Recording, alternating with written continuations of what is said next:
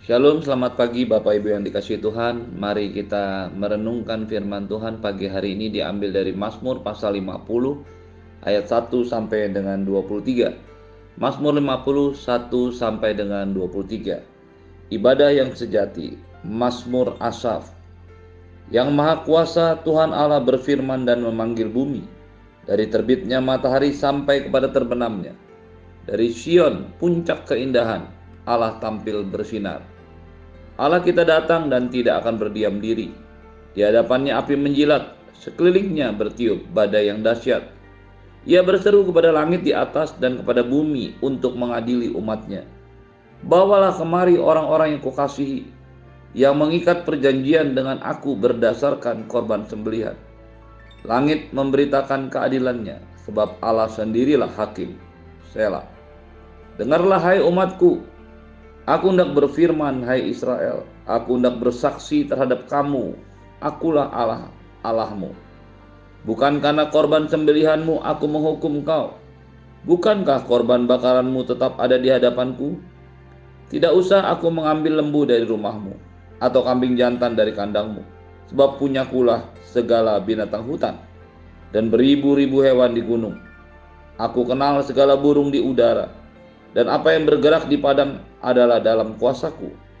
Jika aku lapar, tidak usah kukatakan kepadamu, sebab punya kula dunia dan segala isinya. Daging lembu jantankah aku makan, atau darah kambing anak darah kambing jantankah aku minum? Persembahkanlah syukur kepada Allah sebagai korban dan bayarlah nasarmu kepada yang maha tinggi.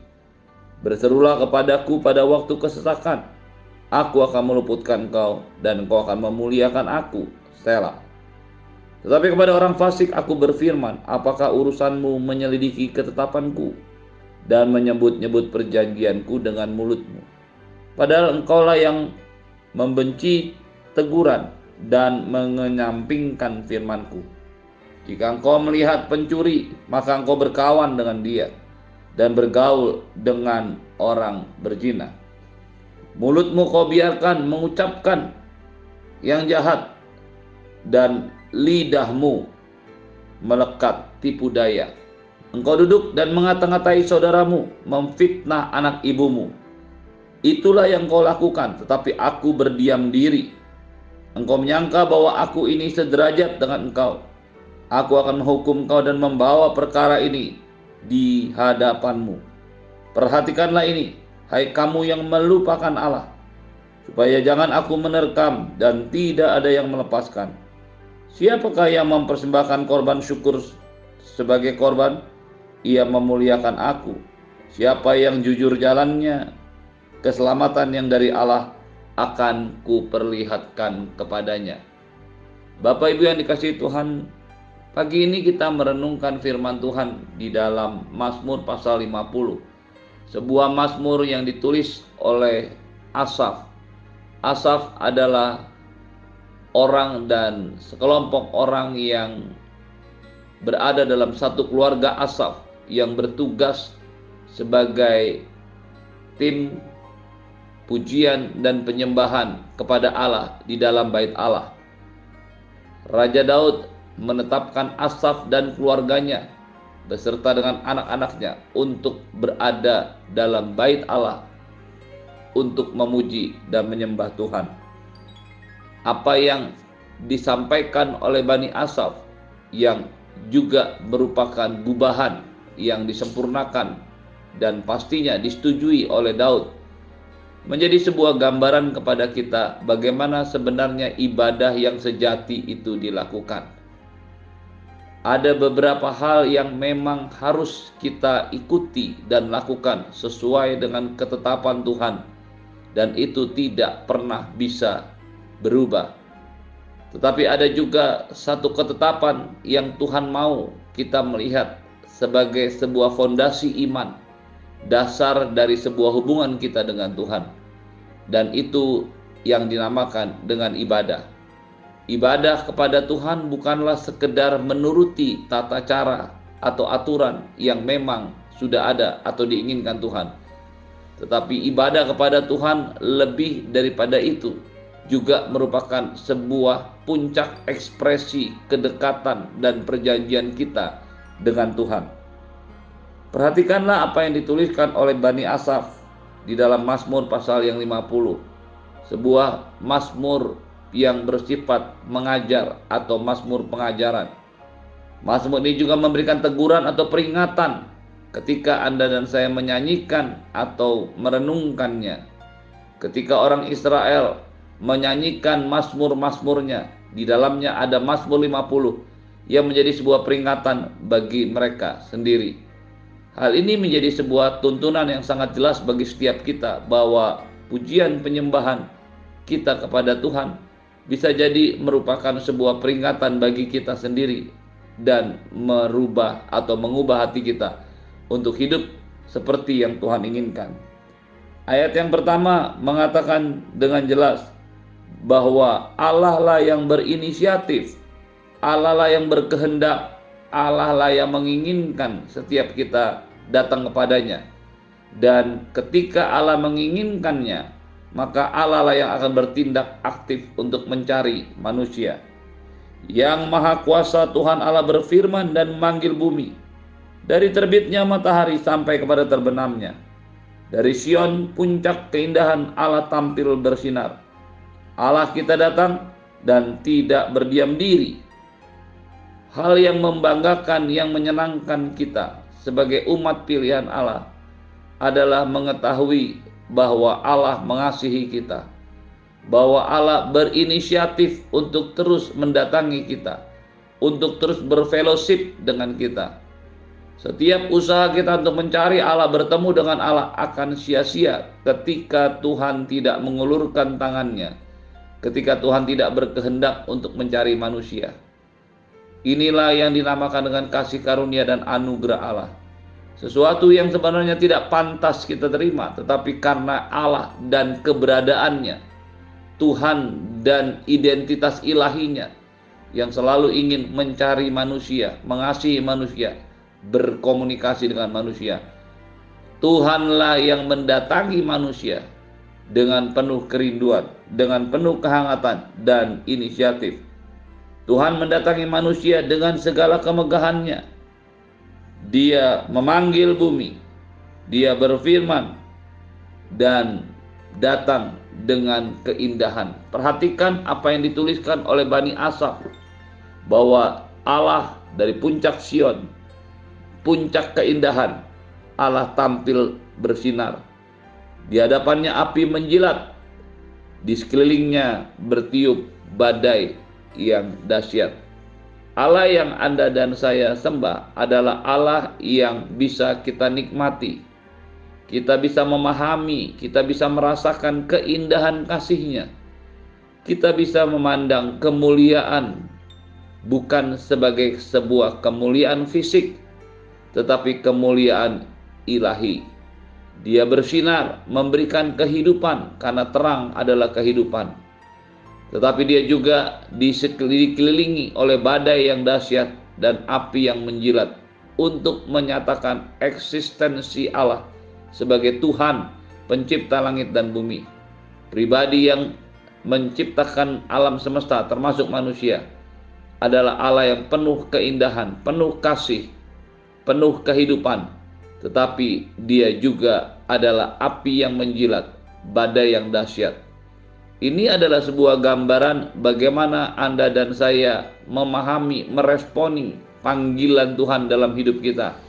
Panggilan untuk berkomunikasi, panggilan untuk berfellowship, dan panggilan untuk bersama-sama dengan Allah.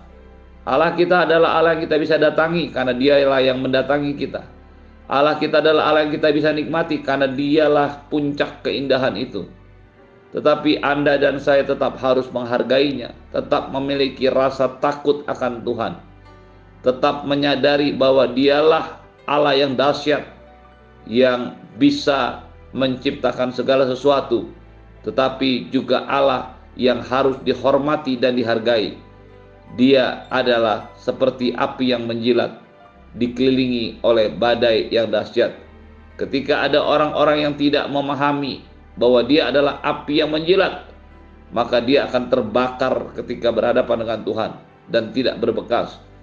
Ketika orang tidak menghargai lagi kedahsyatan, keagungan Tuhan, maka dia akan terputar dan terlempar ketika datang kepadanya karena dia ada dikelilingi oleh badai yang dahsyat. Ketika orang tidak bisa merasakan puncak keindahan di dalam Allah, maka dia akan diliputi dengan ketakutan akan Allah. Demikian juga ketika kita tidak mampu melihat, ada orang-orang yang tidak mampu melihat kemuliaan Tuhan, maka dia tidak akan pernah bisa memahami keagungan dan kemuliaannya. Dengan ini kita bisa melihat Tuhan secara lengkap. Allah yang penuh kasih, penuh dengan keindahan, bersinar memberikan kehidupan, kehangatan, dan kasih. Tetapi dia juga adalah Allah yang dikelilingi oleh api yang menjilat, yang akan membakar setiap ketidakkudusan, yang akan membakar setiap dosa, dan dia juga dikelilingi oleh badai yang dahsyat. Ketika Anda dan saya memahami Tuhan kita seperti ini, maka kita akan terus bisa datang kepadanya dengan sambil menjaga hati dan hidup kita sesuai dengan apa yang kita ucapkan kepada Tuhan. Ayat yang keempat mengatakan, ia berseru, Tuhan berseru kepada langit di atas dan kepada bumi untuk mengadili umatnya. Bawalah kemari orang yang kukasihi, yang mengikat perjanjian dengan aku berdasarkan korban sembelihan. Langit memberitakan keadilannya, sebab Allah sendirilah hakim. Tiga ayat ini menyatakan tujuan Allah untuk datang kepada manusia. Dia mengasihi manusia, dia mau mengadili manusia. Kata mengadili sering kali menjadi salah kita mengerti ketika kita berbicara tentang pengadilan di dunia ini. Kita sering melihat ketidakadilan, kita sering melihat penghakiman yang semena-mena yang tidak dilakukan dengan benar. Tetapi ketika Allah mengadili umatnya, maka yang dimaksudkan oleh Tuhan ketika ia mengadili umatnya bukanlah sekedar menyatakan umatnya bersalah atau tidak. Perhatikan baik-baik apa yang dikatakan oleh ayat-ayat firman Tuhan. Bawalah kemari orang-orang yang kukasihi, yang mengikat perjanjian dengan aku berdasarkan korban sembelihan. Inilah yang sering ditafsirkan oleh banyak penafsir Alkitab bahwa ketika Tuhan mengadili umatnya, dia tidak sedang berbicara tentang penghukuman, tetapi sebuah keadilan, sebuah bentuk penghargaan. Kata keadilan atau mengadili di sini berasal dari bahasa Yunani maaf, berasal dari bahasa Ibrani ladin. Kata ladin yang artinya dia mau mengadili berasal dari akar kata din, sebuah kata kerja yang diterjemahkan sebagai mengadili. Tetapi sebenarnya kata din atau ladin sebenarnya bisa juga ditafsirkan sebagai mengatur, membela, mendispute, melakukan pengadilan untuk menyatakan kebenaran dan untuk memerintah, membela bagian-bagian yang memang tidak bersalah, serta vindicate atau membersihkan. Jadi ketika Tuhan mengadili umatnya, tidaklah hanya terbersit satu pengertian, dia ingin menyatakan kita bersalah atau benar. Tetapi lebih daripada itu, dia juga akan mengatur, dia akan membela, dia akan menjalankan hal-hal yang harus adil diterima oleh umatnya. Apa yang sudah ditetapkan. Dia juga membersihkan, memerintah umatnya. Ketika ayat ini diterjemahkan dalam pengertian sesuai dengan bahasa aslinya, maka kita akan mengerti bahwa Allah yang Anda dan saya sembah bukanlah Allah yang sekedar didatangi hanya dengan ritual agamawi. Ketika Anda dan saya datang kepadanya, kita sebenarnya sedang memberikan kesempatan untuk Tuhan menjalankan keadilannya bagi kita. Apa artinya? Setiap hal yang Anda dan saya berikan persembahkan kepada Tuhan, lakukan kepada Tuhan, baik dalam pelayanan di rumah Tuhan maupun dalam pekerjaan profesi di rumah atau di kantor atau di toko maka keadilan Tuhan akan dinyatakan kepada kita. Inilah sebenarnya persembahan korban yang benar kepada Tuhan. Karena sejatinya Tuhan tidaklah membutuhkan binatang-binatang darah yang dikorbankan. Itulah yang dikatakan di dalam ayat-ayat yang ke-7 sampai 13. Tuhan tidak memakan binatang yang kita persembahkan dan tidak meminum darah yang kita persembahkan. Dia hanya mau kita datang kepadanya mempersembahkan syukur yang memuliakan Allah. Ayat 23 mengatakan, siapa yang mempersembahkan syukur sebagai korban, ia memuliakan aku. Terjemahan yang lebih baik mengatakan, siapa yang mempersembahkan korban syukur yang memuliakan aku sebagai korban, dia yang jujur jalannya, dia yang akan melihat Allah dan keselamatannya. Pastikan Anda dan saya datang kepada Tuhan, menyembah Tuhan, membawa hati dan hidup kita sebagai korban syukur yang memuliakan Tuhan dan hidup sesuai dengan semua yang kita katakan dan kerjakan. Maka keselamatan dari Allah akan menjadi milik kita selama-lamanya. Terimalah berkat yang berlimpah dari Bapa di surga, cinta kasih dari Tuhan Yesus, penyertaan yang sempurna dari Roh Kudus turun ke atasmu hari ini. Tuhan Yesus memberkati.